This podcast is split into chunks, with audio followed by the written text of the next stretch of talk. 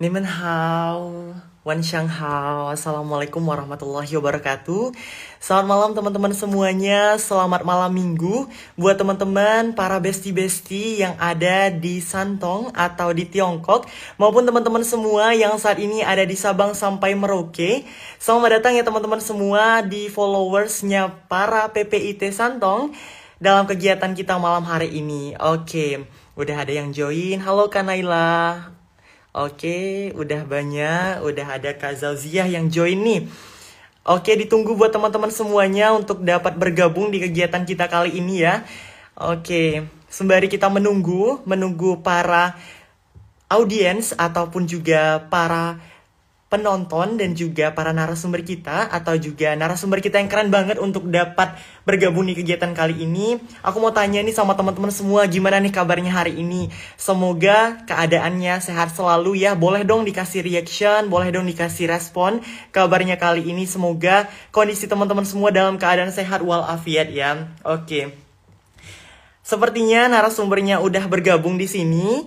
Oke, sembari kita menunggu Oke, terima kasih Mbak Indira atas responnya. Terima kasih Mbak Riana, Mbak Ana atas responnya juga nih. Oke, alhamdulillah ya. Artinya dalam keadaan sehat dan baik selalu nih. Oke, uh, happy dan senang sekali melihat dengan melihat dan juga membaca kabar dari teman-teman semua buat buat yang lagi sakit ataupun yang lagi nggak enak badan, God Wilson ya.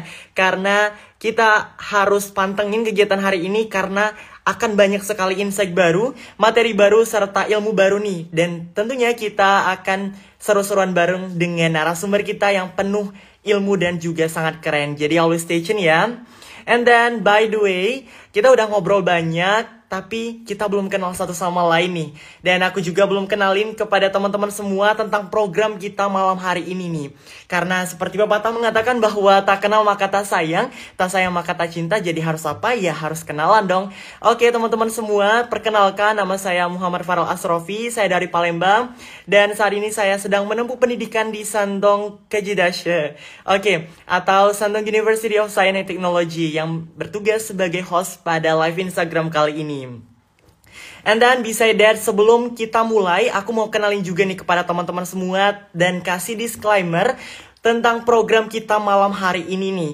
Jadi teman-teman semua, program kita malam hari ini adalah sebuah program bernama Sandong Talk Show yang mana, yang mana program ini merupakan live Instagram berbentuk talk show dalam berbagai pengetahuan atau berbagi pengetahuan ilmu pengalaman seputar apa pun itu. Menghadirkan para speaker dan juga narasumber yang berpengalaman di bidangnya baik itu tentang pendidikan, tentang pekerjaan, tentang beasiswa dan tentang kegiatan atau hal positif lainnya. Dengan mengusung tema pada malam hari ini tentang Working Abroad Opportunities and Challenges. Nah, teman-teman semua, dari temanya aja udah sangat keren nih.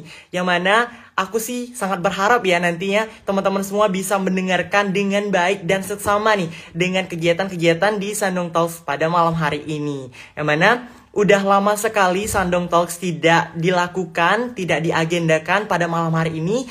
Tentunya teman-teman semoga dapat memberikan suatu pengetahuan dan ilmu baru untuk teman-teman semua. And I think that everyone is cannot wait. Aku yakin banget teman-teman semua udah nggak sabar nih untuk mendapatkan informasi dan pengetahuan baru nih dari para narasumber kita. Yang mana narasumber kita malam hari ini sangat keren dan sangat bermanfaat banget ilmunya untuk teman-teman semua apalagi nih para teman-teman yang sedang berada di Tiongkok untuk menambah suatu pengetahuan dan juga pengalaman baru. Oke, aku mau kenalin sedikit nih tentang narasumber kita yang keren dan hebat banget malam hari ini nih kepada teman-teman semua.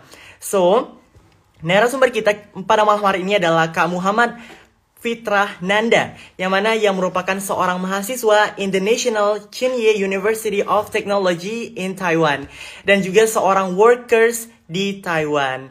Nah, kebetulan nih teman-teman semua, Kanandanya udah ada di sini, udah memberikan suatu undangan atau permintaan undangan bergabung di kegiatan kita malam hari ini. Jadi, aku langsung aja mengesapkan Kak Nanda untuk bergabung di kegiatan kita malam hari ini. Oke, mau tunggu sebentar ya para narasumber.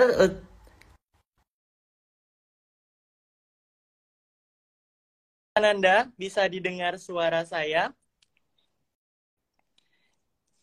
Oke, sepertinya gangguan. Oke, sudah masuk. Halo, Nihal, Wan Shanghao, Kananda.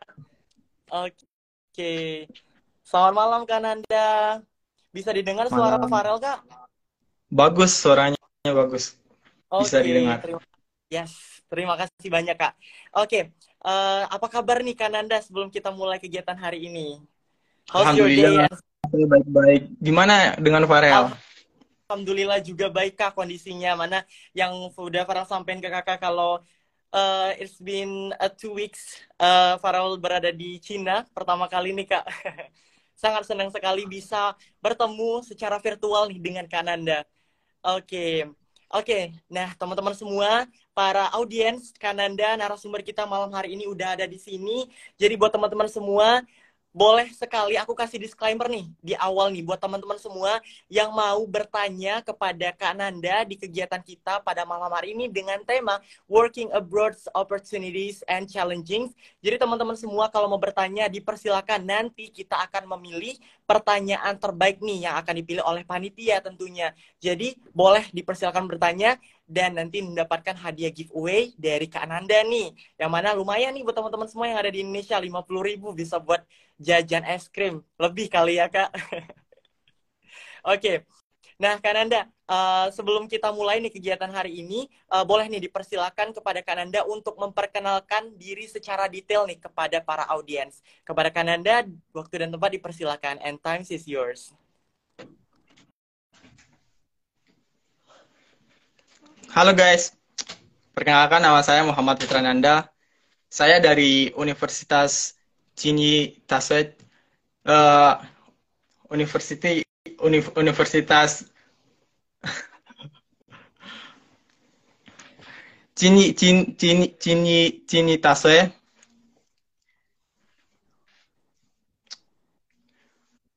Saya dari Politeknik Negeri Malang,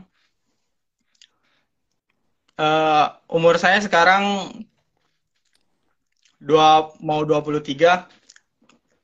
Saya di, kampus saya saya jurusan Teknik Refrigerasi, uh, Air Conditioner and Energy Engineering.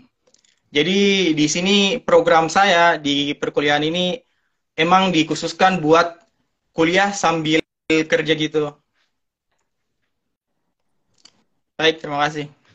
Oke, terima kasih kembali Kananda. Wah, luar biasa banget nih teman-teman semua yang udah dengar tadi perkenalan dari Kananda ya bahwa Kananda ini dari univer uh, dari Chinese University in Taiwan dan juga Kananda ini uh, dari Politeknik Negeri Malang juga nih. Mungkin uh, teman-teman yang ada dari Malang boleh dong dikasih reaction atau direspon nih yang mana dari Malang nih. Pasti banyak nih dari Malang nih.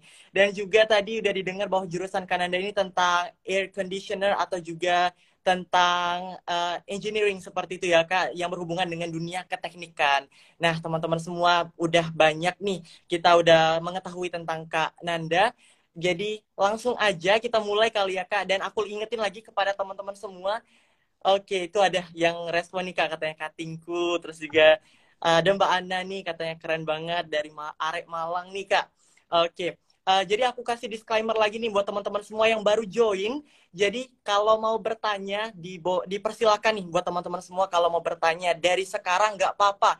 Jadi nanti uh, selama kita sesi talk show dimulai, kalau misalnya ada pertanyaan, kita langsung jawab seperti itu ya kan Anda ya. Oke, okay, uh, mungkin sembari menunggu kita langsung lanjut ke sesi yang pertama ini ya Kak.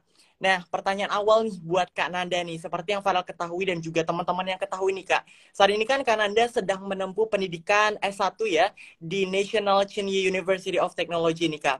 Nah, boleh nggak sih kasih tahu nih ke Kananda ceritain juga awal mula kenapa sih bisa menempuh pendidikan di sana. Dan sebelum kita masuk ke bagian inti atau pembahasan kali ini yaitu tentang workers. Boleh dijawab Kananda? Sebelum pertanyaan saya jawab, saya mau opening juga nih. Oke, boleh Kak. Dipersilakan.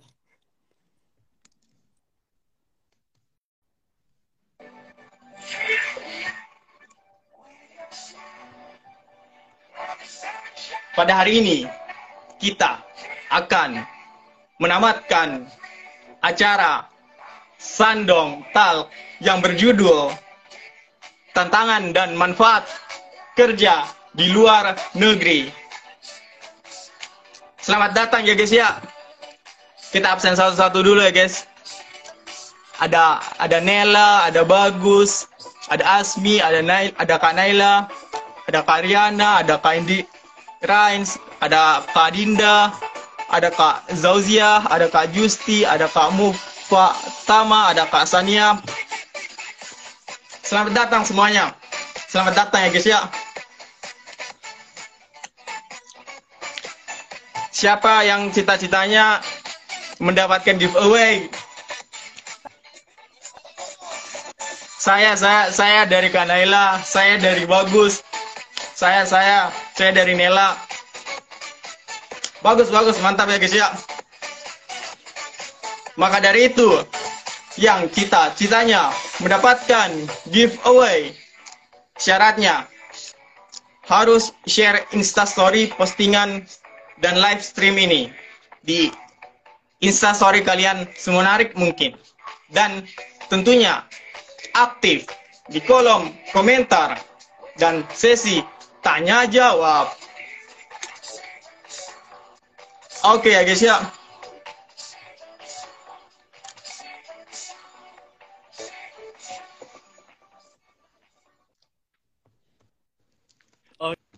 Oke. Udah selesai nih kan? Oke, oh. pertanyaan eh, eh, mungkin saya akan tuliskan di kolom komentar uh, terkait giveaway-nya tadi biar dan dipin biar biar biar orang yang baru masuk bisa membacanya. Oh iya, boleh Kak, boleh, boleh. Boleh kan Anda? Oke. Okay.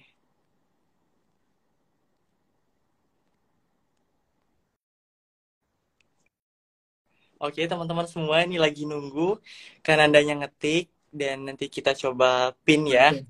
Jadi teman-teman yang baru join bisa uh, lihat langsung nih kalau misalnya ada uh, informasi dari Kananda kalau misalnya untuk dapat giveaway sejumlah lima puluh ribu satu orang. udah ya kak, udah Farel pin nih. Oke. Nah, teman-teman ya. keren banget kan opening dari Kanada tuh buat yang belum join atau baru join tadi, sayang banget ketinggalan nih. Karena keren banget.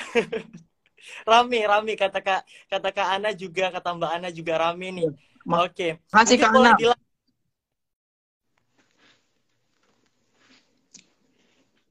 Oke. Oke, pertanyaannya Oke. tadi tentang cerita awal mula kenapa bisa di pendidikan di sini ya.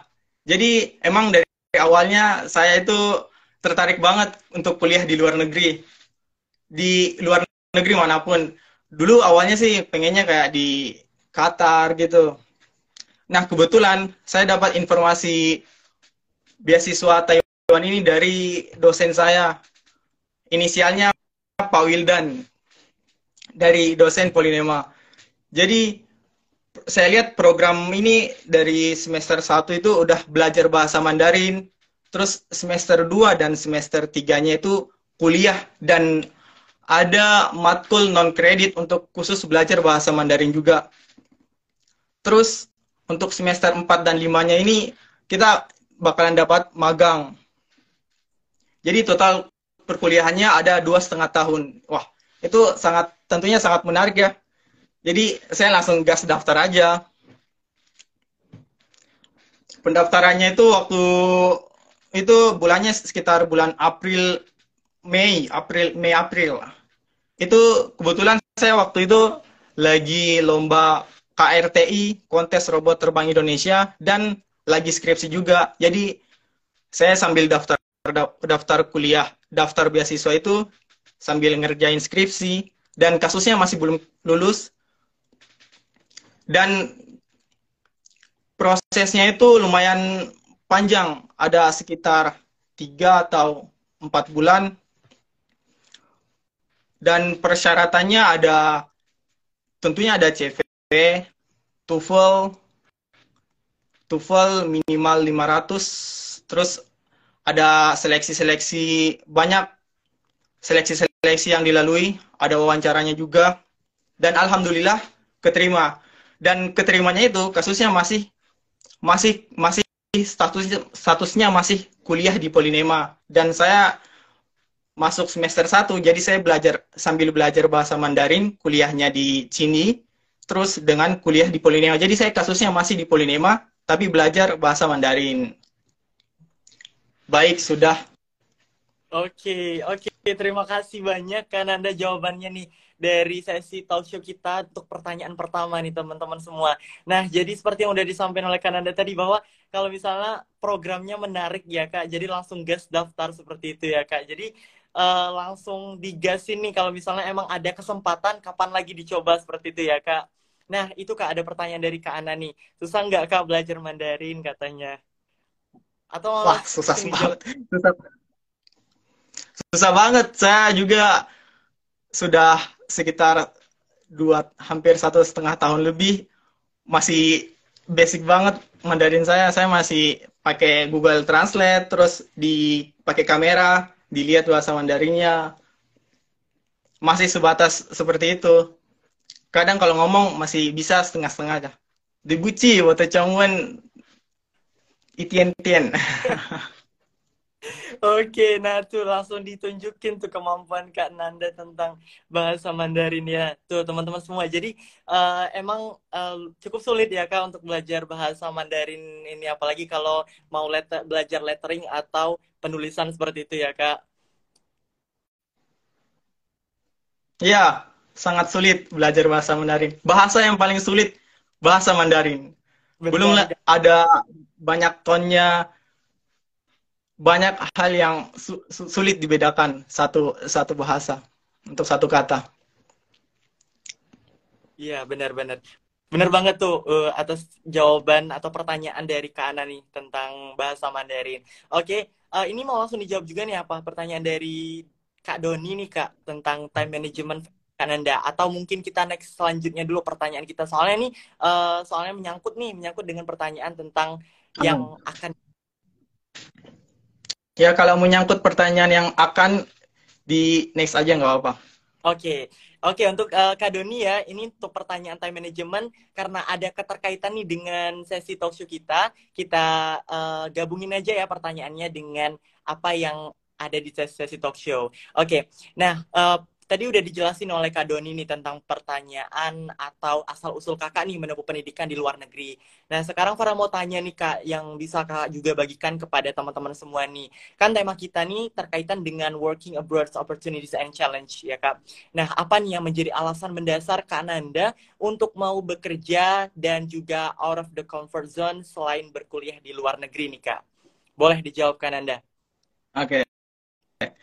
Sebenarnya untuk program kuliah saya ya, itu kebetulan sudah difasilitasi dengan part-time. Artinya semester 2 dan semester semester 2 dan semester 3 saya itu sudah difasilitasi part-time oleh pihak kampus. Jadi pihak kampus mencarikan part-time, terus kita daftar ke part-time itu mulai kayak ada prosesnya tentunya, mulai dari memberikan CV, terus wawancara,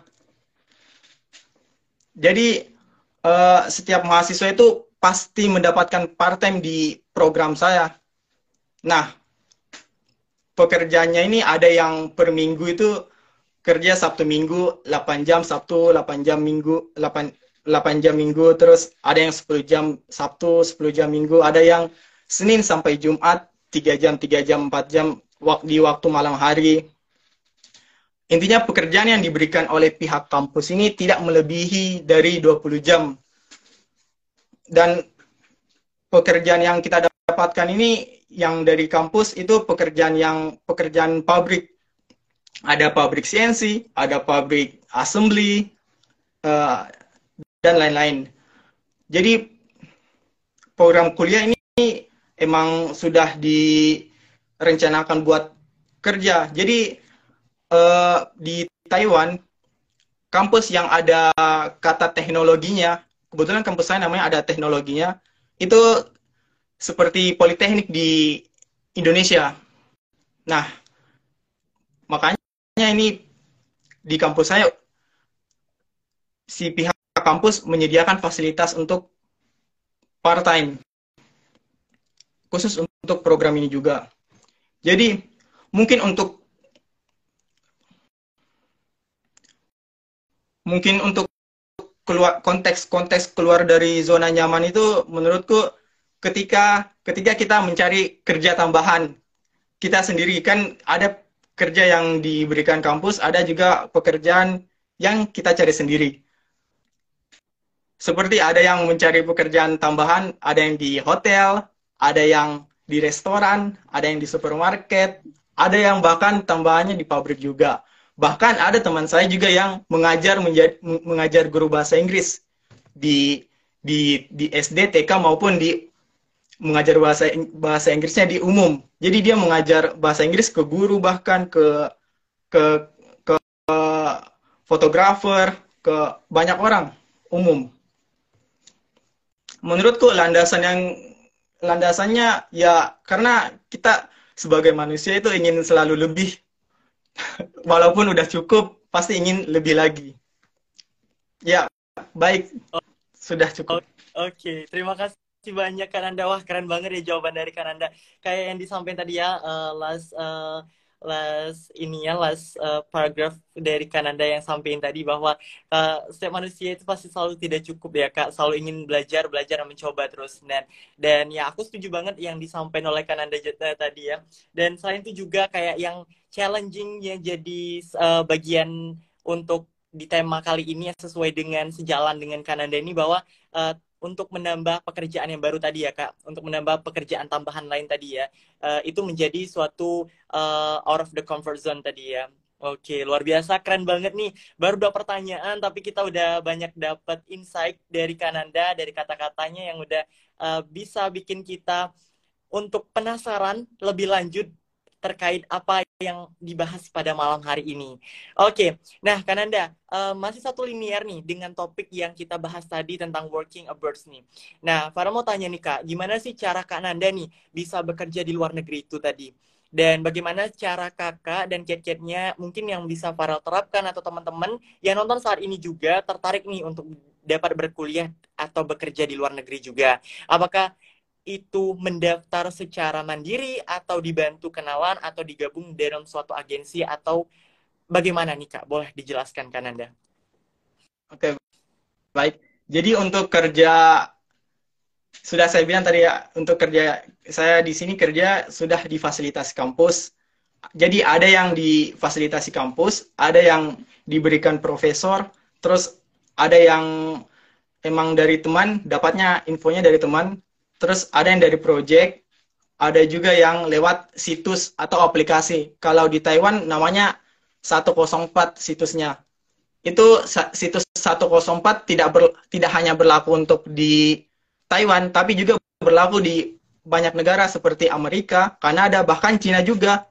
Kalian juga bisa menggunakan situs atau aplikasi tersebut. Namanya 104. Terus ada juga yang nyari dari Facebook. Nah, ada juga yang dari agent.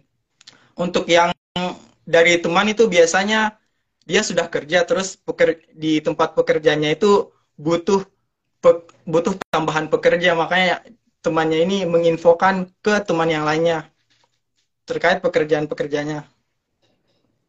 Terus untuk yang agen, agen biasanya juga dapat dari teman sama dari Facebook. Nah, untuk yang dari situs 104 ini yang paling sangat menarik buat saya. Itu soalnya banyak banget lowongannya dan lowongannya ini banyak banget ini bukan hanya untuk pekerja yang sudah mempunyai pengalaman, baik untuk pekerja yang belum punya pengalaman pun atau belum punya basic apa pun juga bisa mencari pekerjaan di 104 ini. Dan di aku aku dulu waktu daftar di 104 untuk pertama kalinya itu kan ada pembuatan CV, CV juga. Terus setelah pembuatan CV ini, kalian juga bisa mendownload soft file CV kalian dari 104 ini. Dia udah ada format CV-nya sendiri untuk dari situs 104 ini. Terus untuk mencari pekerjaan di situs 104 ini, kalian bisa memilih kategori berdasarkan pengalaman, berdasarkan waktu kerja, misalnya shift malam atau shift pagi, terus uh, tempat kerjanya mau misalnya di Cina, mau di Beijing atau mau di mana, misalnya di Shandong atau misalnya di Taiwan saya di Taichung, bisa mencari pekerjaan sesuai dengan kategori tempat kerja. Terus ada jenis kategori jenis pekerjaan juga. Ada jenis kategori pekerjaan hotel, ada restoran, ada pabrik dan atau, atau yang sesuai dengan jurusan misalnya teknik sipil, teknik kimia atau mekanikal. Terus ada kategori juga yang part time, full time atau magang. Jadi kita bisa mensortir berdasarkan kategori-kategori tersebut. Dan lowongan pekerjaannya juga sangat banyak banget ya guys ya. Itu sampai aku pernah mencari di lowongan-lowongannya itu page page-nya itu ada sampai ribuan. Jadi saya bahkan sampai berusaha nyari itu bah, sampai batasnya cuma 200 udah nggak mampu aku lewat-lewat lagi. Sampai saking banyaknya itu lowongannya di sana.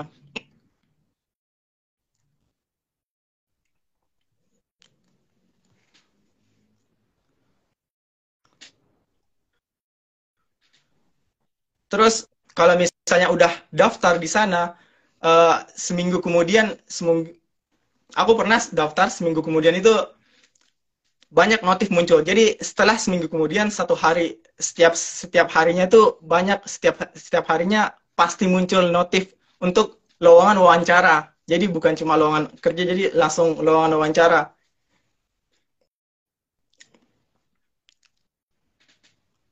Tapi untuk di Taiwan itu setiap kerja butuh namanya work permit, izin kerja. Nah, saya kurang tahu kalau misalnya di negara lain kayak di Cina mungkin atau di mungkin izin kerjanya atau gimana atau bu, tidak butuh izin kerja. Saya kurang paham. Kalau di Taiwan ada izin kerja dan izin kerja namanya itu work permit. Kita harus menggunakan itu ketika masuk wawancara atau mau mau sekerja. Kita harus bawa bawa mau soft file atau hard filenya. Terus aku yakin kalian semua pasti bisa kok daftar di 104. Coba deh teman-teman daftar. Kalian pasti bisa. Sudah. Oke. Oke, oke terima kasih Kananda atas jawabannya nih dari pertanyaan tadi soal gimana nih dapat pekerjaannya itu dari mana. Nah, teman-teman semua yang lagi nonton saat ini yang masih stay di sini, tadi udah disampaikan Kananda bahwa website 104 ya Kak. Nah, untuk ber, untuk tempat mencari pekerjaan. Nah, jadi tempatnya itu uh, yang udah disampaikan oleh Kananda tadi aku ulangin lagi bahwa tempatnya itu untuk mencari pekerjaan di mana di sana banyak sekali tersedia mau kita menjadi apa seperti itu ya Kak. Dan ya tentunya teman-teman kalau misalnya emang mau tertarik dan juga meneruskan bekerja juga sembari bekerja dan juga berkuliah itu boleh diikutin saran dari Kananda tadi dan juga tadi saran-saran dari Kananda seperti eh, teman-teman uh, ya kak yang mana uh, dia uh, teman-teman mengenalkan sebuah agensi kayak gitu ya kurang lebih. Dan juga aku tadi juga setuju ini mau di, mau ditanyain sama Kananda tapi ternyata udah dijawab soal uh, izin work permitnya tadi kak. Jadi mungkin nanti Farel di sini ya, mungkin teman-teman yang di Cina juga yang lagi nonton juga bakal dicari nih gimana kalau misalnya mau bekerja juga di San, uh, di Santong khususnya ini untuk perizinan pekerjaannya bagaimana seperti itu. Oke, luar biasa sekali untuk pertanyaan tadi. Oke, mungkin itu terkaitan nih Kak dengan persyaratan untuk bekerja. Nah, ini juga ada pertanyaan dari Kak Ana lagi nih dari Mbak Ana. Jadi pertanyaan itu adalah untuk pekerjaan apakah wajib ada skill bahasa Mandarinnya, Kak? Gimana nih, Kak? Boleh dijawab, Kak Nanda. Sebenarnya kalau skill bahasa Mandarin itu di semua pekerjaan pastinya butuh bahasa Mandarin. Apalagi kita bekerja di negara yang menggunakan bahasa Mandarin, contohnya di Taiwan dan di Cina tapi uh, untuk pekerjaan-pekerjaan seperti kayak hotel atau pabrik tetap ada kemungkinan orang yang tidak bisa bahasa Mandarin atau kurang berbahasa Mandarin tetap bisa masuk kerja. Jadi kita bakalan komunikasi se sebisa mungkin mau mau pakai Google Translate, mau mau dibantu orang yang bisa berbahasa Inggris. Jadi tidak tidak menutup kemungkinan harus bisa berbahasa Mandarin gitu. Oke, nah gitu ya Mbak Ana pertanyaannya dan jawaban dari Kak Nanda tadi bahwa kalau misalnya kita uh, butuh atau enggak nih skill bahasa Inggris, ya butuh ya Kak, tergantung dari suatu negara yang kita ajuin. Tapi ya ini uh, dari kembali lagi kemauan kita dan juga untuk mau belajar dan juga mau untuk berusaha salah satunya menggunakan Google Translate tadi ya kak. Oke, luar biasa udah jelas ya. Uh, uh, aku rasa juga Mbak Ana udah jelas nih dari terkait pertanyaannya. Itu udah direspon tuh Kak. Wah, terima kasih Kak. Oke, uh, mungkin buat teman-teman juga yang bergabung di sini baru bergabung boleh banget kalau ingin bertanya uh, dikasih kesempatan setiap bertanya langsung kita bahas nih. Jadi sembari sesi talk show kita ada pertanyaan langsung dijawab seperti itu. Oke, kita kembali lagi ke sesi talk show ya. Nah, Kak, uh, Farah mau bertanya nih, Kak uh, kan kakak tadi sebagai mahasiswa di National Tsinghua University of Technology Taiwan nih kak. Goals dan main purpose kakak kan pasti kuliah ya. Nah terkait dengan pertanyaan kak Doni tadi, kak Doni tadi tentang time management nih.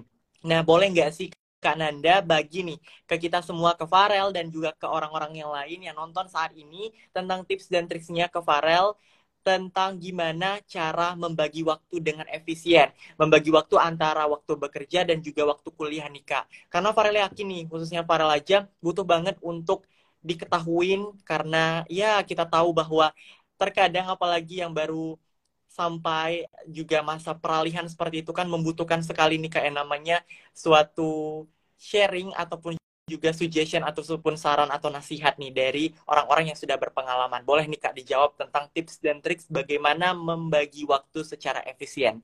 Dipersilakan Kak Nanda. Uh, kalau misalnya untuk mengerjakan tugas ya biasanya juga pernah sih. Saya pernah curi-curi waktu pas istirahat kerja, ngerjain tugas. Karena main purpose-nya kuliah ya. Jadi ketika ada tugas yang atau project yang kira-kira tidak bisa saya selesaikan ketika saya bekerja atau dalam waktu seminggu saya harus bekerja apa ada tugas dan harus bekerja, saya bakalan izin bakalan izin ke perusahaan tersebut mungkin tiga hari atau dua hari dalam waktu seminggu itu dengan tentunya kita bisa izin langsung uh, kita bisa izin ke perusahaan dan mereka pengertian banget. Hamin tentunya kita juga harus mempersiapkan perizinan itu hamin satu minggu atau tidak tidak kaget lah intinya. Bahkan izin izinnya izinnya studi project saya izinnya mengerjakan studi project itu diizinkan oleh pihak perusahaan. Kurang tahu kalau perusahaan yang lain di perusahaan yang saya tempati bisa bisa. Dan alhamdulillahnya bisa. Jadi saya kebantu ya intinya komunikasi sih komunikasi. Komunikasi komunikasi itu penting ya. Sudah baik. oke okay, terima kasih Kananda untuk jawabannya ya. Jadi intinya uh, pertanyaan tadi tentang bagaimana cara membagi waktu yaitu komunikasi antara diri kita dengan perusahaan ya Kak seperti itu. Dan setuju banget apa yang disampaikan oleh Kananda tadi bahwa uh, kalau kita mau izin ataupun juga terkait adanya suatu uh, tugas ataupun juga suatu tanggung jawab di kampus ya tentunya kita harus uh, melakukan komunikasi dua arah antara antara kita dan juga dengan perusahaan seperti itu ya kak. Dan tentunya uh, harus ada ancang-ancang nih ya kayak ya. jangan uh, tiba-tiba hamin satu atau hamin dua izin sama perusahaan. Kalau misal mau izin ya nggak bisa dong. Nanti pasti uh, mereka bertanya-tanya kenapa seperti itu. Nah seperti itu ya para teman-teman semua yang bergabung di sini mengenai cara membagi waktu. Intinya adalah kita sama-sama harus mengetahui dan juga tahu posisi dan juga harus mengerti bagaimana komunikasi. Oke. Nah, Kak, ini ada pertanyaan nih dari Kak Mufa Tamorgana katanya katanya Kak di Taiwan ada nggak beasiswa fully funded yang sambil kerja part time juga? Mungkin boleh dijawab nih Kananda terkaitan tentang beasiswa ini. Boleh Kak? Kalau yang beasiswa fully funded ya, banyak banget di bisa dicek di MOE MOE beasiswa MOE Taiwan. Itu contohnya ada teman saya yang kuliah di Asia University di Taichung. Dia jadi dia itu kuliah. Beasiswa beasiswanya fully funded dapat uh, 10 juta per bulan kayak gitu. Dan itu tidak dilarang untuk bekerja. Artinya dia bisa bekerja, tapi dia tidak memilih untuk tidak memilih opsi untuk bekerja. Tapi bisa. Ba di sini tidak tidak dilarang apa kebanyakan beasiswa fully funded tidak tidak dilarang untuk bekerja, tapi ada sih beberapa yang dilarang. Mungkin bisa nanti kalau misalnya mau cari informasinya, misalnya Asia University bisa ditanya-tanya di IG PPI misalnya PPI Asia atau gimana bisa nggak fully fundednya sambil kerja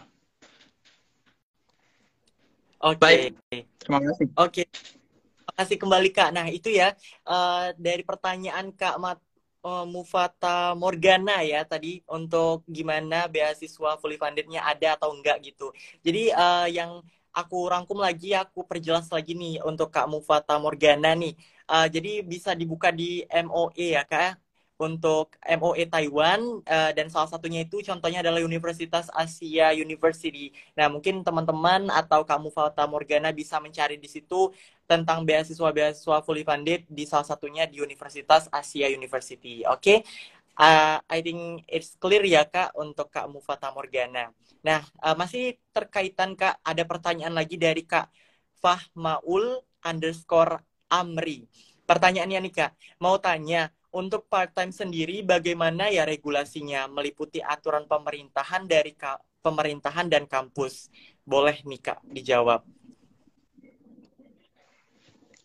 Jadi di di kampus saya ada regulasi untuk part-time maksimal 20 jam per minggu.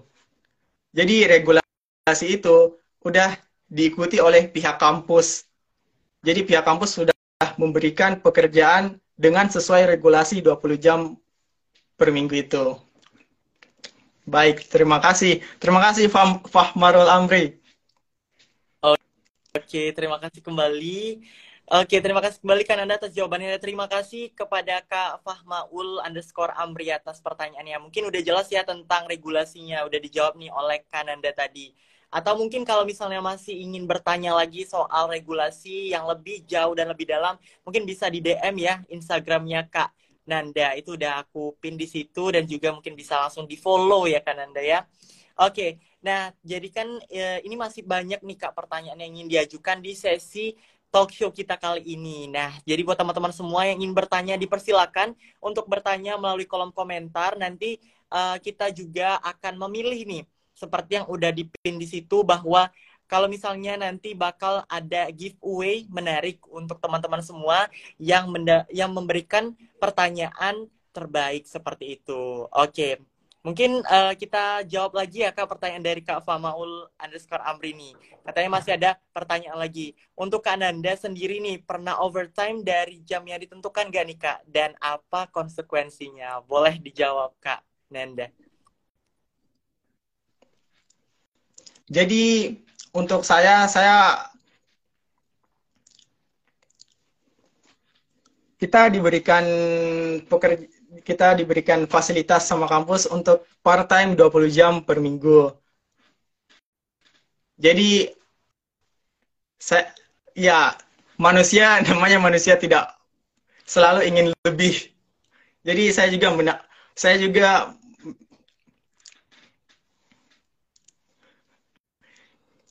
sebenarnya ini salah.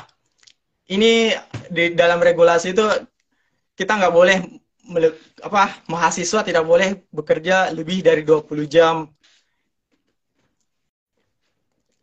Dan saya itu pernah bisa overtime. Jadi ada kayak dalam waktu satu minggu bisa sekaligus bekerja di dua tempat begitu. Terima kasih kasih Fahmarul Amri.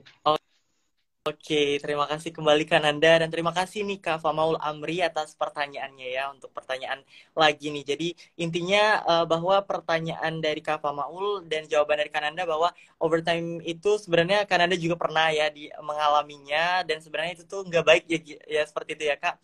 Jadi intinya uh, bisa-bisa dan tergantung pada diri masing-masing seperti itu ya Kak gimana cara menghandle-nya. Oke. Nah, Kananda, kita lanjut lagi ke pertanyaan keenam nih, Kak. Uh, tadi kan Farel udah bertanya nih kepada Kakak gimana cara membagi waktu antara kuliah dan bekerja. Nah, Farel mau tanya juga nih kepada Kak Nanda, cara gimana kak cara kakak gimana untuk menghadapi kendala dan permasalahan yang kakak alami nih selama berkuliah di luar negeri ditambah kendala kakak selama bekerja di luar negeri jujur kak Farel selama dua minggu di sini juga merasa uh, sedikit burnout dan juga keteteran dan juga bahkan uh, mengalami hal-hal yang kurang baik untuk diri sendiri dan boleh nggak sih kak Kananda kasih sedikit gimana cara menghandle dan juga gimana cara menghadapi kendala atau permasalahan tersebut Dipersilakan kan Anda untuk menjawabnya. PR banget nih soal bahasa apalagi pas apalagi pas kerja, Pak. Penggunaan bahasa Mandarin itu sangat sulit untuk digunakan apalagi untuk memahami bahasa Mandarin. Untuk bahasa itu debuci, buat congwen, butai hal. Untuk bahasa saya juga masih belajar ya. Biasanya juga saya pakai Google Translate masih masih pakai Google Translate saya untuk kerja kadang minta bantuan teman yang sudah paham atau ada pekerja-pekerja yang sudah bisa berbahasa Mandarin sekaligus bahasa Indonesia juga dia yang orang Indonesia belajar yang bisa bahasa Mandarin saya minta bantuan biasanya juga kalau makanan biasanya saya cari warung yang vegetarian yang khusus buat vegetarian. Dan atau warung Indo yang beneran udah jelas halal. Uh, atau paling sering juga biasanya masak masak bareng teman-teman gitu. Jadi itu sudah bisa dipastikan halal. Untuk tanggung jawab kerja dan kuliah ya intinya pokok apa pun kendalanya pokok jangan nyerah lah. Yakin aja pasti bisa. Oke, oke kan Anda ke atas jawabannya nih. Oke, mungkin teman-teman juga semua yang join atau audiens di sini merasa nih bahwa uh, mungkin teman-teman yang satu satu batch juga dengan uh, satu, dorm nih kak. Kalau misalnya uh, kami juga merasa kayak seperti kendala bahasa. Aku uh, Farel merasa nih kak, kalau misalnya bahasa tuh salah satu hal yang wah paling sulit sekali di sini karena mereka untuk di uh, untuk komunikasi aja kayak bilang uh, can you speak in English tuh mereka tuh nggak ngerti gitu kak jadi kayak kalau mau beli makan tuh kayak uh, jige uh, five kuai and with with uh, with gerakan tangan loh kak kayak waduh kalau lama-lama seperti ini ya ya kita harus berusaha seperti yang kata kakak tadi sampaikan bahwa uh, terus mencoba dan juga uh, mau berusaha gitu loh kayak ya mau gimana pun uh, namanya kita berusaha di rumah orang ya kita harus nerapin aturan yang ada seperti itu ya kak. Oke luar biasa sekali. Jadi aku nambah nih nambah semangat nih untuk belajar bahasa Mandarinnya dari jawaban Kananda terkait pertanyaan yang aku ajuin nih oke nah Kananda uh, pertanyaan ketujuh nih mau tanya lagi kepada Kananda sebagai workers di negara orang nih berdasarkan pengalaman kakak dan menurut pendapat kakak nih gimana nih peluang para mahasiswa Indonesia nih untuk dapat bekerja di luar negeri? Apakah peluang terbuka lebar atau malah sebaliknya nih Kak? Karena ini terkait ke pendapat Kakak ya Kak. Dan gimana sih menurut Kakak perbedaan serta persaingan yang dialami selama Kakak bekerja antara pekerja Indonesia, pekerja asing dan juga pekerja lokal di sana nih? Boleh dijawab Kananda terkait pertanyaan opininya ini. Oh iya, ma mohon maaf sebelumnya. Saya kan posisinya sebagai mahasiswa yang kerja paruh waktu, yang kerja part time. Jadi untuk terkait kerja beneran kerja bukan sebagai mahasiswa, saya masih kurang paham, kurang tahu lah soal konteks kerja. Tapi untuk kerja di luar negeri yang saya pahami ya, kalau misalnya untuk kerja di luar negeri sebagai mahasiswa, peluangnya tentu sangat terbuka lebar ya bukan hanya di Taiwan, di negara lain pun banyak ada. Misalnya di Australia. Kalau untuk pekerja mungkin uh, sejauh yang saya tahu ya, sejauh yang saya tahu aja di saya pernah eh, cerita-cerita dengan teman pekerja di Taiwan uh, tahun ini di Taiwan itu kebetulan ada banyak ada banyak pengurangan pegawai pabrik karena resesi. Tahu kan resesi yang sekarang lagi viral-viralnya? Uh, saya juga kurang paham terkait itu, tapi itu fakta yang terjadi banyak pengurangan pegawai entah karena apa, tapi banyak yang bilang karena resesi. Tapi saya yakin tentu peluang yang sangat peluang itu sangat terbuka lebar bagi siapa pun yang terus mencoba, bagi siapa pun yang terus mau berjuang. Nah, untuk terkait tadi perbedaan perbedaan dan persaingan ya. Perbedaan itu biasanya untuk di antara negara asing, misalnya Vietnam atau negara atau orang lokal dengan orang Indo, misalnya itu paling kelihatan bahasa tubuhnya, bahasa tubuhnya beda. Misalnya angka, misalnya enamnya enamnya orang lokal Taiwan di sini gini. Misalnya mau mau menyebutkan barangnya tidak ada meyo meyo le nggak ada mereka gini ngomongnya bahasa tubuhnya nggak ada. Kan kalau di sini nggak ada gini kan. Ya bahasa tubuhnya berbeda. Untuk persaingan sejauh yang saya tahu kayaknya biasanya kita bersaing cepet-cepetan buat kerja. Jadi persaingan ini malah menimbulkan kinerja tim yang lebih baik lebih bagus. Cukup. Terima kasih. Oke, terima kasih kembali Kananda atas jawabannya. Wah, jadi uh, aku walaupun enggak ikut bekerja, belum bekerja nih Kak, jadi bisa tahu nih kayak uh, ada antisipasi nih kalau misalnya gimana cara aku memanage uh, terjadinya suatu persaingan ataupun perbedaan saat bekerja seperti tadi. Nah, teman-teman semua, uh, jadi menambah pengetahuan banget nih buat kita semua bahwa uh, kayak kan anda sampaikan tadi kalau misalnya pekerja perbedaannya itu kayak di body language ya kak. Kayak di antara orang Indonesia sama orang Vietnam. Jadi uh, sedikit awalnya mungkin sedikit miskomunikasi seperti itu ya kak. Tapi setelah dikasih tahu setelah, pelajari dan uh, mengetahui satu sama lain jadi mengetahui bahwa oh itu artinya oh ini artinya seperti itu. Dan juga tentang peluang mahasiswa Indonesia itu ya uh, tergantung kepada diri lagi ya kak. Kayak misalnya kalau emang kamu berkompeten dan juga mempunyai skill ya kamu pasti bisa bisa meneruskan ataupun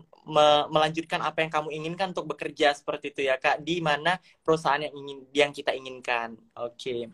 luar biasa sekali nih teman-teman semua jawaban dari Kananda terkait tentang opininya tadi. Aku juga sangat setuju nih. Dan aku rasa juga teman-teman semua juga pasti setuju. Oke Kak, ini ada pertanyaan juga nih dari Mufata Morgana lagi nih Kak. Katanya pertanyaannya adalah Kak, berapa rata-rata biaya UKT per semester di sana? Terus juga gaji kita selama satu bulan bisa nggak buat bayar biaya semester dan buat kebutuhan setiap harinya sama biaya asrama atau apartemen? Boleh nih Kak dijawab. Tadi siapa yang bertanya? Pertanyaan dari Mufata Morgana nih Kak. Mantap pertanyaan Mufata Morgana. Jadi di untuk di kampus lain saya kurang tahu di kampus saya uh, biaya kuliahnya itu untuk program saya di semester 3 itu ada diskon 50%. Tapi untuk semester 4 5-nya full. Jadi untuk biaya per semester fullnya itu 6 60 30 30 juta per semester. Tapi itu bisa ditutupi tentunya dengan biaya kerja atau part time time kita se, se sebulan uh, se semester satu semester bisa ditutupi karena pekerjaan yang kita lakukan part time itu kita digaji per jam 80.000 dan dalam waktu misalnya dalam waktu sehari bisa 8 jam. Nah, kalau misalnya kita kerja 20 jam kerja 20 jam itu bisa ada sekitar 6 juta. Nah, mungkin bagi yang ada yang mendapatkan magang itu dalam sebulan kita bisa dapat 15 15 15 juta dan 15 juta ini kalau dalam waktu enam bulan tentunya bisa menutupi UKT 30 juta itu. Dalam dua bulan kan bisa.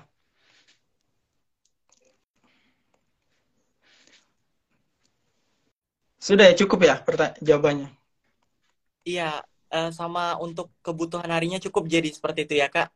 Ya, kebutuhan sehari-hari itu bisa untuk biaya kos biaya asrama per orang itu di sini rata-rata satu juta satu juta rupiah per orang.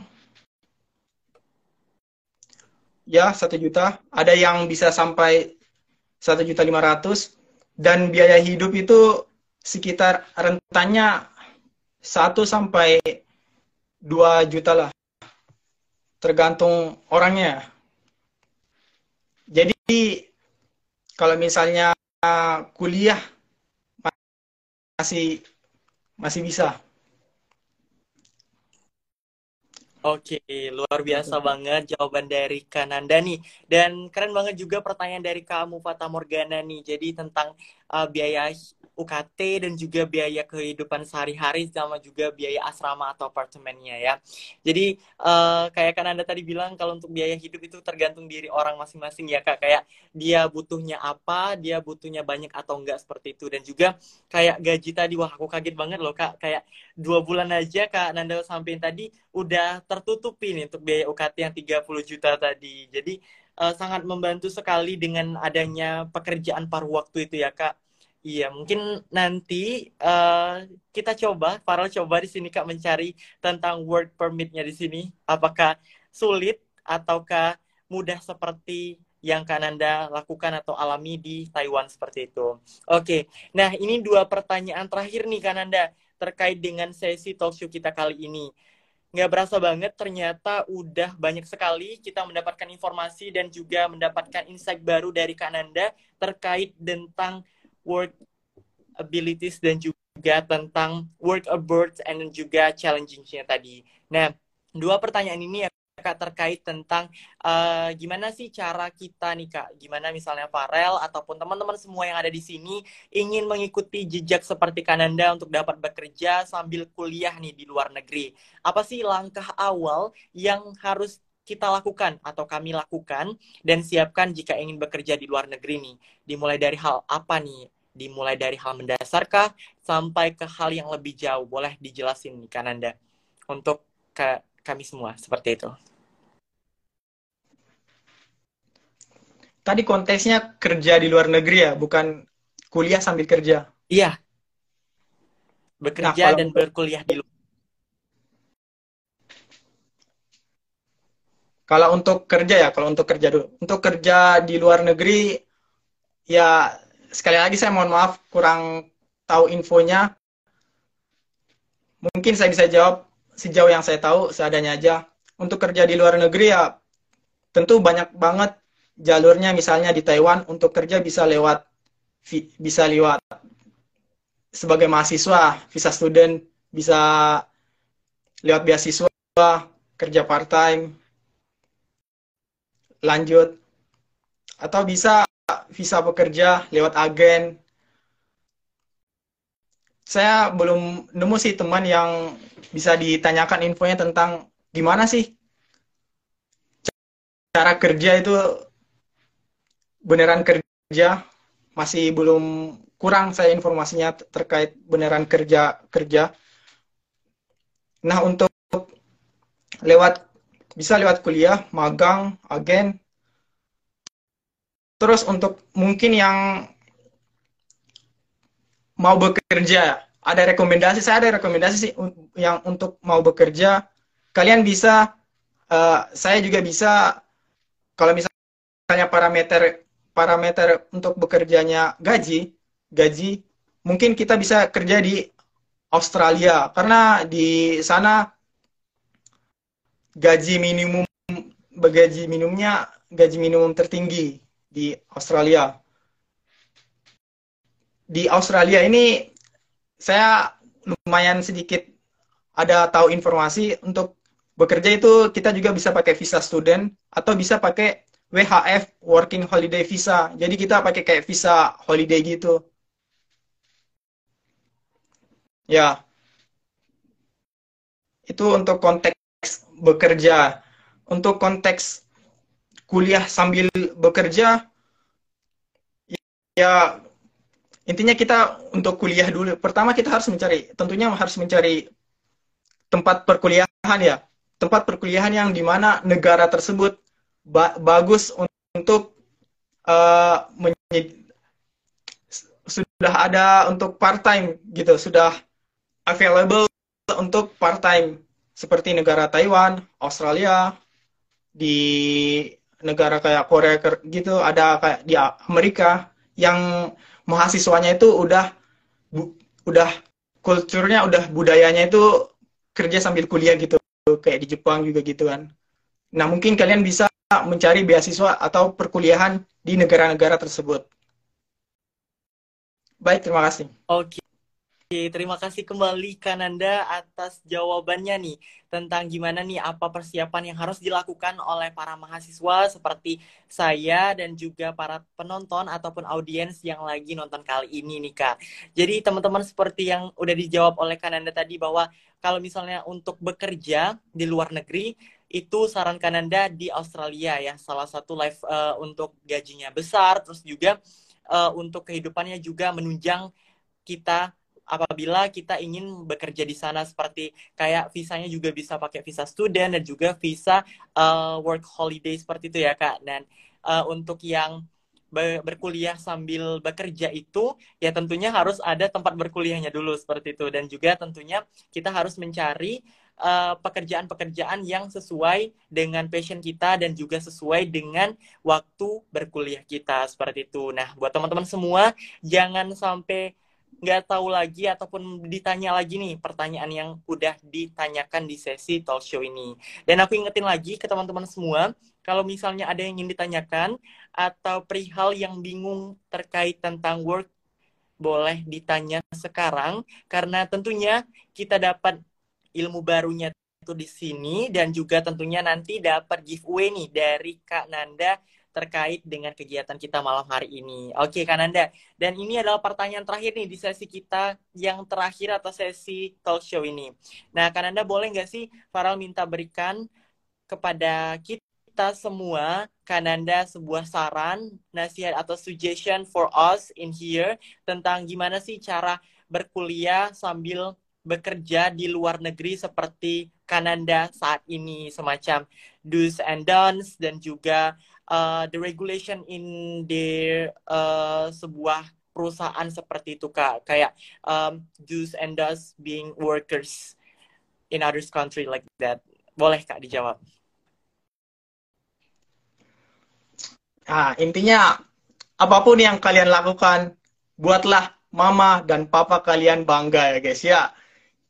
Dengan dengan membuat dengan berpikir seperti itu, kalian akan berpikir bahwa oh ini positif kalian lakukan ini negatif oh ini mama papaku nggak bangga ya jangan dilakukan yang dilakukan buatlah mama papa kalian bangga ya guys ya itu sudah cukup. Oke, terima kasih banyak Kananda atas jawabannya. Nah, intinya jadi teman-teman uh, tentang saran dan nasihat, suggestion dari Kananda itu buatlah mama dan papa bangga ya guys ya. Jadi intinya buatlah bangga ya jangan jangan ngelakuin perbuatan aneh-aneh lah ya Kak di negara orang dan juga uh, lakukan eh, hal-hal uh, positif aja seja, selagi jauh dengan orang tua seperti itu. Jadi intinya uh, di di balik makna yang singkat itu pasti ada yang makna yang tersuratnya begitu panjang seperti itu ya kan Anda ya. Oke, teman-teman, aku ingetin lagi yang masih stay di sini yang mana ini kita udah hampir satu jam untuk komunikasi dengan Kananda di live Instagram kali ini. Dan buat teman-teman semua yang mau bertanya terkait tentang workers di suatu negara ataupun di luar negeri, boleh sekali untuk bertanya sekarang, karena tentunya kita akan mendapatkan insight baru dan materi baru serta pengetahuan baru nih langsung dari Kananda langsung dijawab sekarang di sini dan tentunya juga mendapatkan giveaway kalau misalnya pertanyaan itu terpilih menjadi pertanyaan yang terbaik seperti itu. Oke, aku kasih waktu buat teman-teman semua untuk bertanya apabila ada yang ingin ditanyakan mulai dari sekarang gitu ya. Nah, karena mau tanya juga nih Farel, uh, terkait tentang sekarang kakak ada di mana nih? Ada di Indonesia atau ada di Taiwan nih kak? Ada di Taiwan, tepatnya di kota Taichung. Oh, Taichung sekarang ya kak? Wah, berarti uh, sekarang waktunya sama nggak sih dengan dengan sama, Farel nih kak? Sama ya sama, jam dengan Oke. Okay. Berarti uh, di acara kita nih mengikuti jamnya orang Indonesia gitu ya. Nah, buat teman-teman semua yang masih di Indonesia nih yang lagi nonton sekarang, kalau misalnya ada yang ingin ditanyakan boleh banget buat bertanya gitu ya. Oke. Oke, Kananda untuk uh, sekarang ini lagi kuliah atau uh, lagi ada holiday gitu Kak? Holiday season itu atau gimana nih sekarang? Atau udah masuk nih Kak? Semester saya sekarang ini lagi masuk magang semester 4 dan 5. Nah, sekarang ini saya lagi menunggu kabar dari magang saya gitu. Oke, jadi sekarang lagi nunggu magang dan juga sambil ber, eh, sambil bekerja seperti itu ya, Kak ya. Oke. Oh, jadi Kananda ini udah berapa lama nih uh, belum pulang ke Indonesia nih? Mungkin teman-teman uh, bisa sharing-sharing uh, juga di sini yang belum pulang gitu ya atau yang lagi nonton di sini. Alhamdulillah banget saya kemarin libur ada sekitar satu bulan dan saya ambil libur dua minggu pulang ke Indo ke Indonesia.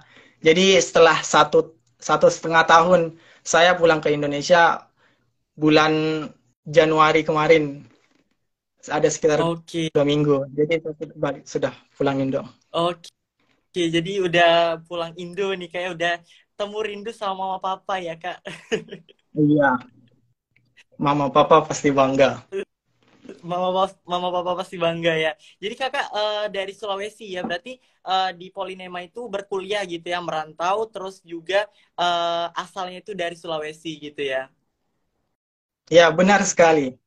Oke, benar. Jadi, nah teman-teman, jadi kan Anda nih dari Sulawesi, terus ke Polinema, terus juga langsung uh, berangkat ke luar negeri ke Taiwan gitu ya. Wah gila keren banget ya ternyata luar biasa banget pengalaman dari Kananda yang mana uh, Kananda udah udah menempuh uh, pendidikan merantau, udah jauh dari orang tua itu dari di udah di Indonesia, terus juga jauh lagi ke luar negeri seperti itu. Jadi tentunya ilmu yang udah disampaikan oleh Kananda malam hari ini uh, sangat bermanfaat nih Kak untuk Farel dan juga teman-teman atau audiens yang masih setia menonton kali ini nih Kak. Oke, aku ingetin lagi buat teman-teman semua yang mau bertanya ataupun yang ingin menanyakan perihal tentang working abroad opportunities and challenging pada malam hari ini dipersilakan ya sebelum aku tutup sesi pertanyaan kali ini. Kapan lagi nih dapat hadiah? Kapan lagi dapat giveaway 50 ribu nih lumayan kata uh, ice cream mishue ya kak ya kak Ana ya. Nah ini ada pertanyaan nih. Baru disebut nih sama Mbak Ana tadi namanya. Langsung ada pertanyaan. Uh, pertanyaannya gini nih Kak, dari Mbak Riana underscore Yasin. Pengalamannya during a pandemic di sana nih Kak, apa berpengaruh di kerja part-time-nya? Terus apa uh, terus ada pengalaman lucu atau pengalaman buruk nggak selama tinggal di negeri orang nih kak boleh semacam culture shock nih kak sama juga pengalaman pengalaman kakak boleh dipersilakan nih kak sangat pengaruh banget ya kemarin itu waktu kena COVID. Jadi waktu COVID itu karena COVID itu di pekerjaan saya jadi setiap setiap minggunya harus kayak tes rapid test gitu. Terus kalau misalnya ketahuan COVID harus dua minggu karantina. Saya pernah karantina dua minggu. Jadi selama dua minggu nggak kerja, wah itu berasa berasa itu pengalaman yang bukan menyedihkan sih. Lebih ke uh, pengalaman kurang baik. Untuk kultur shock ya kultur shock bekerja di Taiwan ini oh sangat banyak ini kultur shocknya. Contohnya misalnya perjalanan mau sebelum bekerja nih perjalanan mau bekerja itu di Taiwan ini banyak banget lampu merahnya. Jadi hampir setiap satu menit itu berhenti, setiap satu menit berhenti. Terus, mulai perjalanannya kayak naik bis, pernah naik kereta, pernah naik sepeda juga. Untuk naik bisnya itu alhamdulillah banget di Taiwan itu gratis pakai student ID. Untuk perjalanan sampai 10 km. Untuk perjalanan lebih dari 10 km itu udah bayar. Dan untuk keretanya juga cukup murah juga. Itu ada sekitar 7000 untuk perjalanan sampai ada batasannya itu sampai berapa? 7000 terus melebihi itu bisa lebih. Terus saya juga punya pengalaman pahit terkait perjalanan pengalaman pahit. E, karena saya pernah pulang kerja jam 12 jam 1 jam 2 gitu bisnya itu udah nggak ada tapi alhamdulillah bangetnya itu di Taiwan fasilitas kendaraannya itu banyak contohnya fasilitas sepeda jadi banyak spot-spot untuk uh, disediakan sepeda umum. Jadi di Taiwan ada namanya fasilitas sepeda itu U-Bike. Di U-Bike ini setiap perjalanan 30 menit itu gratis. Jadi saya pernah sekitar lima kali itu perjalanan naik sepeda pulang dari tempat pekerjaan sampai pulang. Itu saya pernah sampai 16 km. Jauh banget ya. Itu pengalaman yang lumayan pahit sih. Tapi entah kenapa saya saya tidak kurang tidak lelah saya. Seharusnya itu lelah. Kurang tahu saya kenapa. Harusnya capek sih. Banyak banyak culture shock kayak makanan, makanan di makanan di sini kan hambar, nggak ada rasa kalau di Taiwan. Jadi kadang kita itu kalau mau kerja itu bawa sambal, bawa sambal sambal teri gitu, terus tambahin di bumbu makanan. Terus terkait setelah makan kan buang sampah. Terkait buang sampah ini juga di Taiwan itu sangat ketat ya. Misalnya sampah makanan itu beneran harus di itu tempat pientang tempat tempat bungkusan makanan itu harus dicuci dulu terus sampah makanannya dipisahkan dengan sampah kertas. Sedetail itu Taiwan nggak boleh nggak boleh dicampur itu sampahnya. Terus culture shock ini banyak banget ini. Uh, apa lagi ya? Mungkin dari toilet toiletnya di sini beda juga kalau di Indonesia menghadap pintu kalau di sini menghadap tembok itu lucu banget kalau di Taiwan itu. Terus yang tadi saya bilang juga bahasa tubuh, bahasa tubuh di sini lumayan berbeda. Kayak misalnya tidak ada meyo di sini lokal meyo gini. Terus kalau di Indo kan nggak ada gini. Terus untuk oh ini ini yang paling culture shock sholat Jumat kayak terkait sholat jam kerja. Nah kan untuk istirahat kalau istirahat kan pasti jam 12 gitu. Jadi kita masih bisa sholat. Nah, kalau jam-jam 5 gitu kita kayak untungnya di selama ini saya tempat bekerja itu orang-orang di sana masih pengertian, masih paham. Jadi bisa masih bisa kita menggunakan waktu curi-curi waktu kayak lima menit buat sholat tapi nggak barengan yang penting ganti-gantian gitu mereka masih mereka itu sangat toleransi. Saya belum kebetulan saya masih belum pernah menemukan intoleran gitu. Mereka pasti memberikan kesempatan kita untuk beribadah. Terus tentunya makanan ya. Makanan yang nggak halal itu sangat sulit sekali dihindari. Tapi di sini saya juga bisa bisa kayak ngasih tahu dulu. Jadi sebelum bekerja pas wawancara bisa ngasih tahu kalau pilihan makanan. Saya bisanya makan makan yang bukan daging kayak daging ayam. Kan di sini kebetulan daging ayamnya tidak disembelih secara halal kan. Nah saya bisa di awal bertanya terkait itu. Apakah boleh saya mengganti makanan saya menjadi vegetarian gitu karena untuk daging sangat sulit dihindari terus uh, culture shock mungkin tidak terkait dengan kerja ya, mungkin buang sampahnya. Buang sampahnya di sini ada namanya truk sampah, truk sampah. Truk sampahnya bunyinya kayak ice cream. Jadi kayak suara ice cream, suara truk ice cream lewat. Terus orang-orang itu pada nungguin, pada nungguin orang, pada nungguin truk sampahnya buat buangin. Jadi mereka sangat sangat disiplin terkait sampah dan terkait banyak hal. Terus di sini juga sayangnya nggak ada azan ya. Soalnya kan ada peraturan Taiwan yang nggak boleh ribut gitu, nggak boleh ribut tempat umum gitu. Jadi sayangnya di sini nggak ada azan. Terus nggak ada liburan liburan Islam juga. Terus oh di sini di Taiwan juga sering sering gempa bumi. Jadi gempa bumi itu hal yang sangat wajar tapi di sini budayanya ketika gempa bumi itu justru santai nggak kayak misalnya ada gempa langsung eh tapi tidak di semua hal maksudnya di di tempat dunia kerja di dunia kerja itu mereka sesantai itu tentang gempa bumi. Tapi untuk bukan di dunia kerja kayak di di perkuliahan itu pasti disuruh keluar. Tapi mau keluar juga mana sempat orang lantai tinggi. Jadi tapi kebanyakan mereka santuy tentang gempa bumi ini.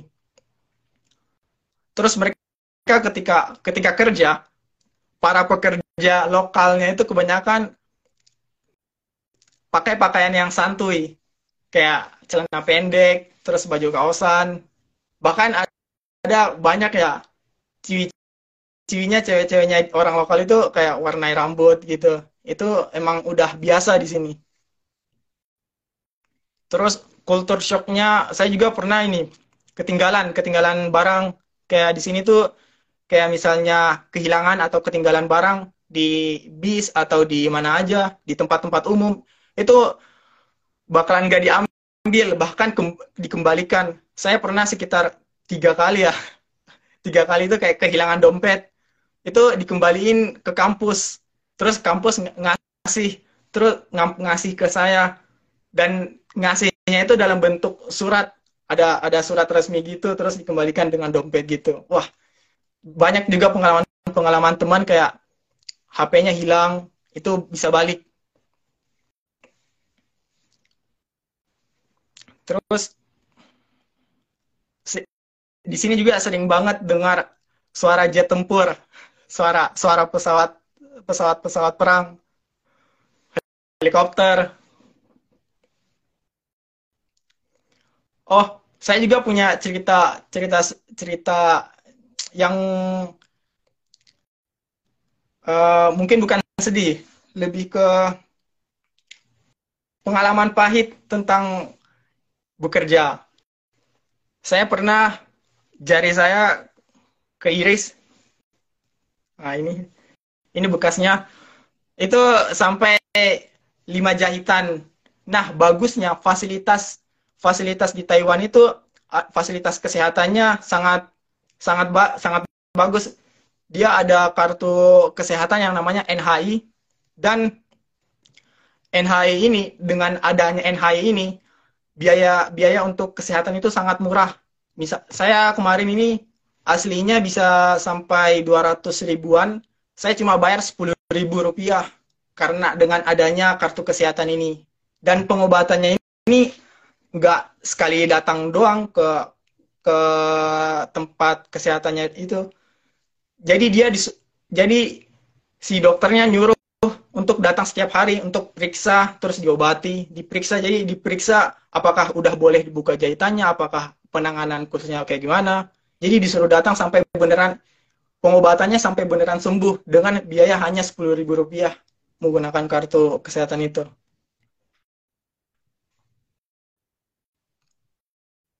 Baik, mungkin cuma itu saja. Makasih banyak pertanyaannya. Sangat-sangat bagus pertanyaannya.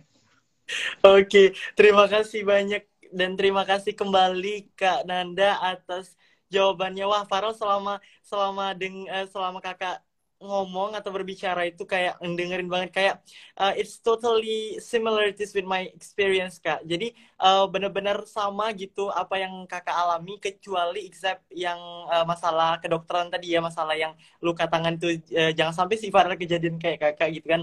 Dan uh, ya yeah, especially for ini kak especially for yang sholat Jumat itu bener banget kak kayak wah ini berbeda banget. Baru dua minggu di sini kayak uh, mazhab yang mereka pakai sama yang kita ma mazhab yang di Indonesia sama yang mereka pakai itu bener-bener berbeda banget. Bahkan uh, untuk sholat sholat uh, lima waktu aja mereka juga sedikit berbeda dengan kita kayak gitu. Dan juga untuk uh, transportasi ya kak kayak juga lampu merah ya di sini juga uh, kayak Farah ngerasa juga pas jalan tuh uh, jalan dikit ada lampu merah, jalan dikit ada lampu merah. Jadi mungkin uh, tipe regionnya China tuh kayak gitu semua kali ya kak untuk ya, walaupun uh, di dalam kecil juga banyak lampu merah. Iya bener, bener-bener. Jadi uh, uh, berkaitan gitu loh antara yang kakak ceritain sama base my experience kayak gitu kak. Jadi wah ternyata di uh, Taiwan juga banyak nih kejadian-kejadian mirip yang para alami. Mungkin juga teman-teman yang nonton di sini yang uh, tinggal juga di region of China seperti itu. Dan mungkin ini uh, pertanyaan yang sama nih dengan Kak Naila atau Mbak Naila ajukan kayak apa culture shock di sana. Itu udah dijawab uh, tadi Kak sama all, uh, sama Kananda terkait dengan culture shock uh, udah banyak banget yang dikasih contoh oleh Kananda tadi dan ini nih Kak pertanyaan dari Kak Dede X X underscore. Pertanyaannya adalah keunggulan kuliah di luar negeri dibandingkan di Indo apa nih kak? Boleh dijawab nih kak.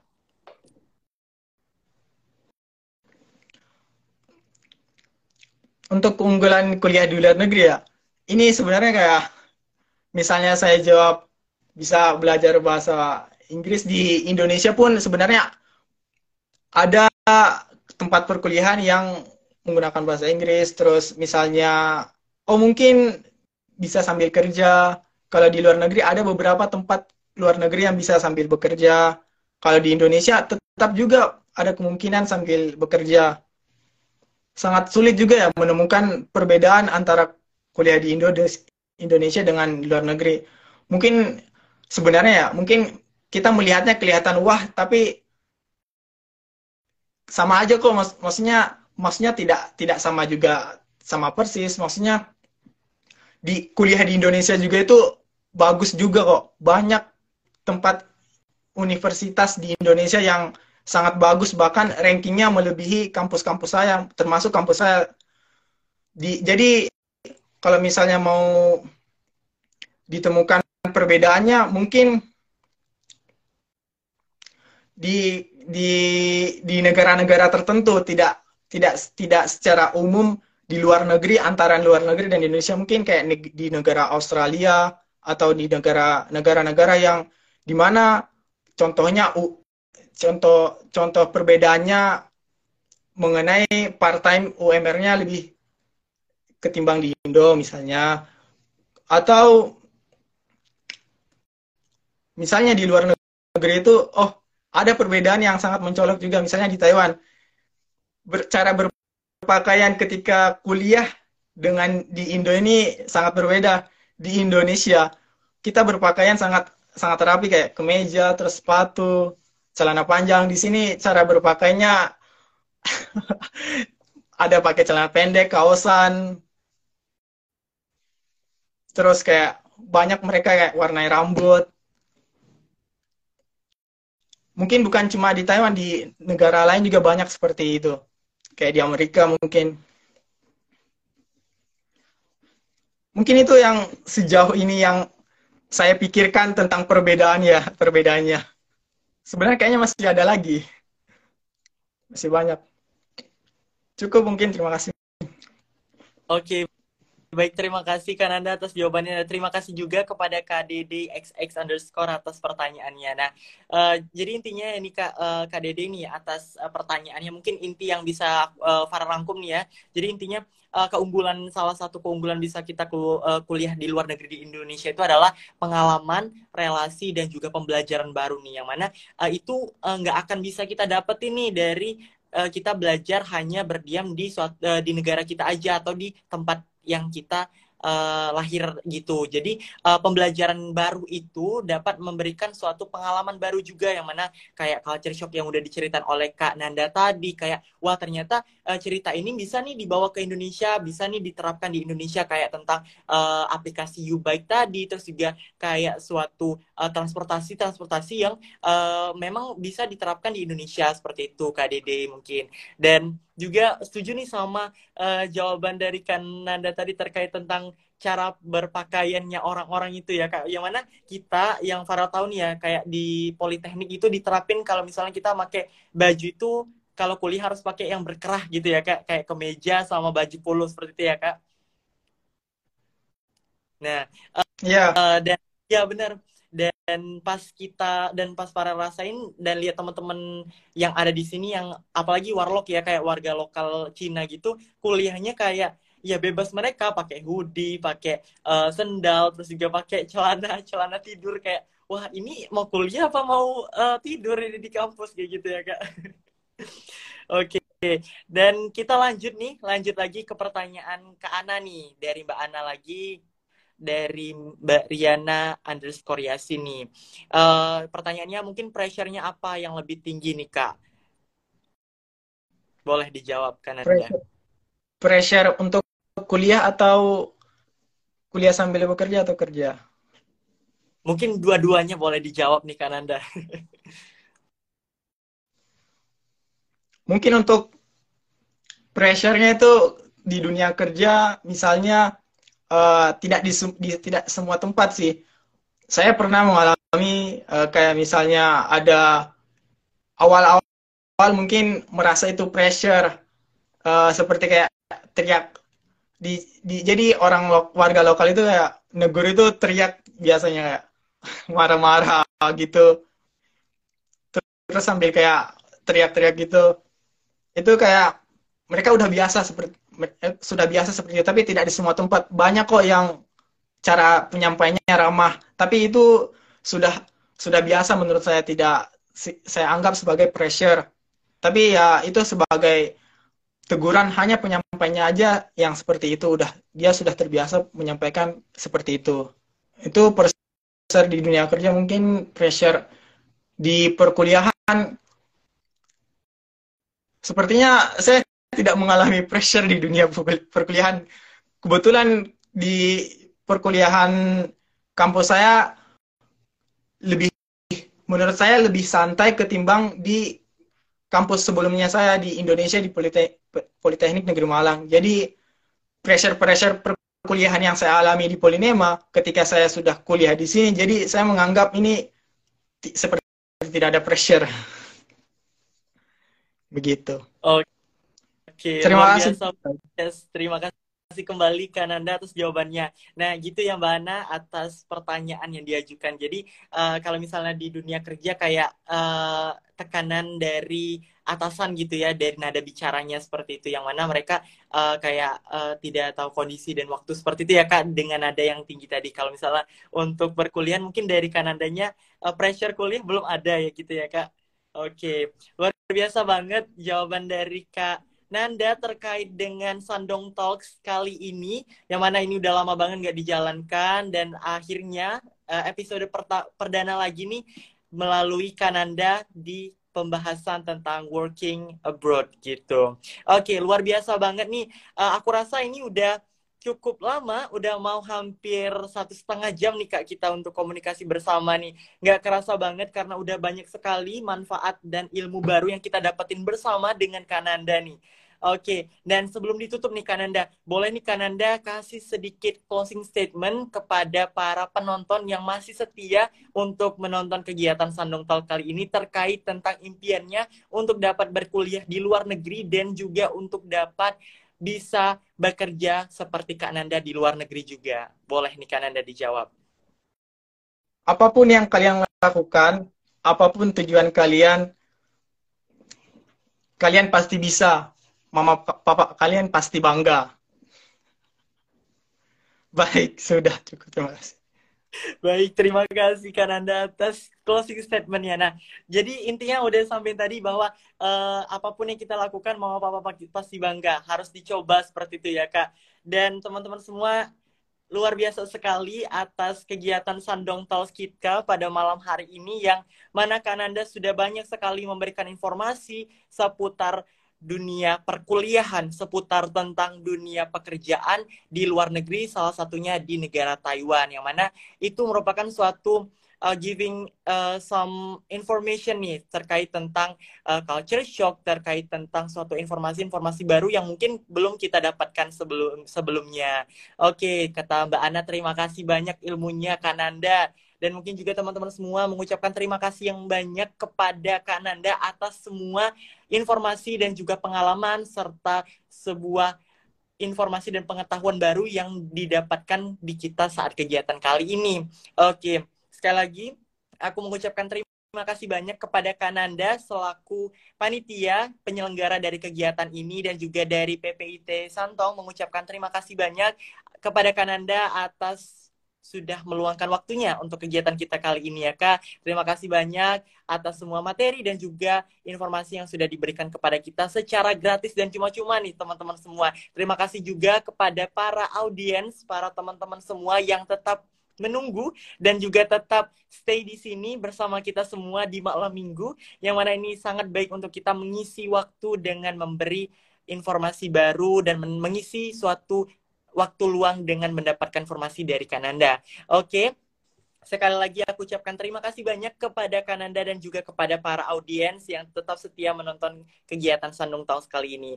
Aku mengucapkan terima kasih banyak dan mohon maaf sekali atas segala kesalahan dan segala perbuatan yang aku lakukan pada saat Sandung Talks ini yang menyinggung dan juga membuat tem hati teman-teman dan juga hati Kananda uh, tidak berkenan seperti itu. Dan aku ingatkan sekali lagi buat teman-teman semua yang sudah bertanya uh, seperti yang sudah dipin di komen di sini bahwa nanti untuk giveaway-nya syaratnya adalah teman-teman harus men-sharekan instastory postingan dan live insta, live streaming ini nih. Kalau misalnya teman-teman tetap menonton setia di kegiatan kali ini dan nanti akan mendapatkan giveaway uang sebesar Rp50.000 dari Kananda nih secara cuma-cuma dan gratis. Boleh banget buat teman-teman semua nanti setelah live ini selesai untuk dibagikan ya Kananda ya.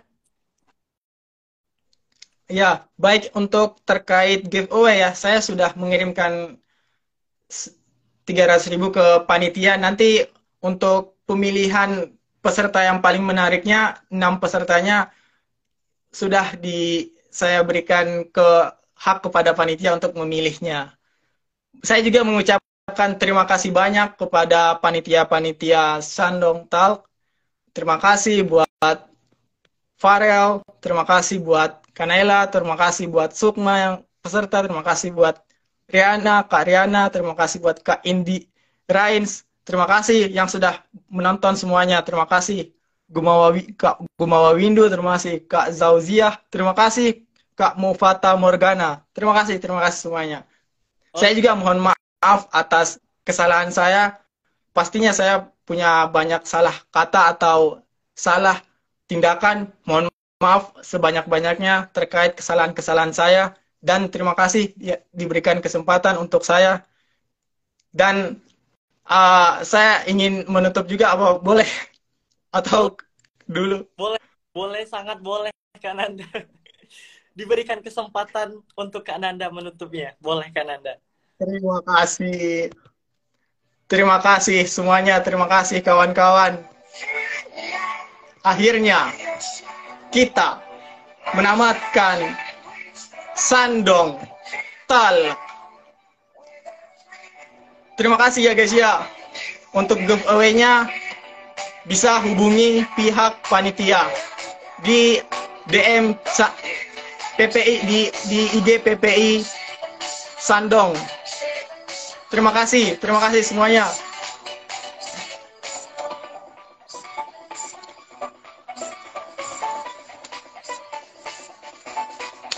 Terima kasih semuanya.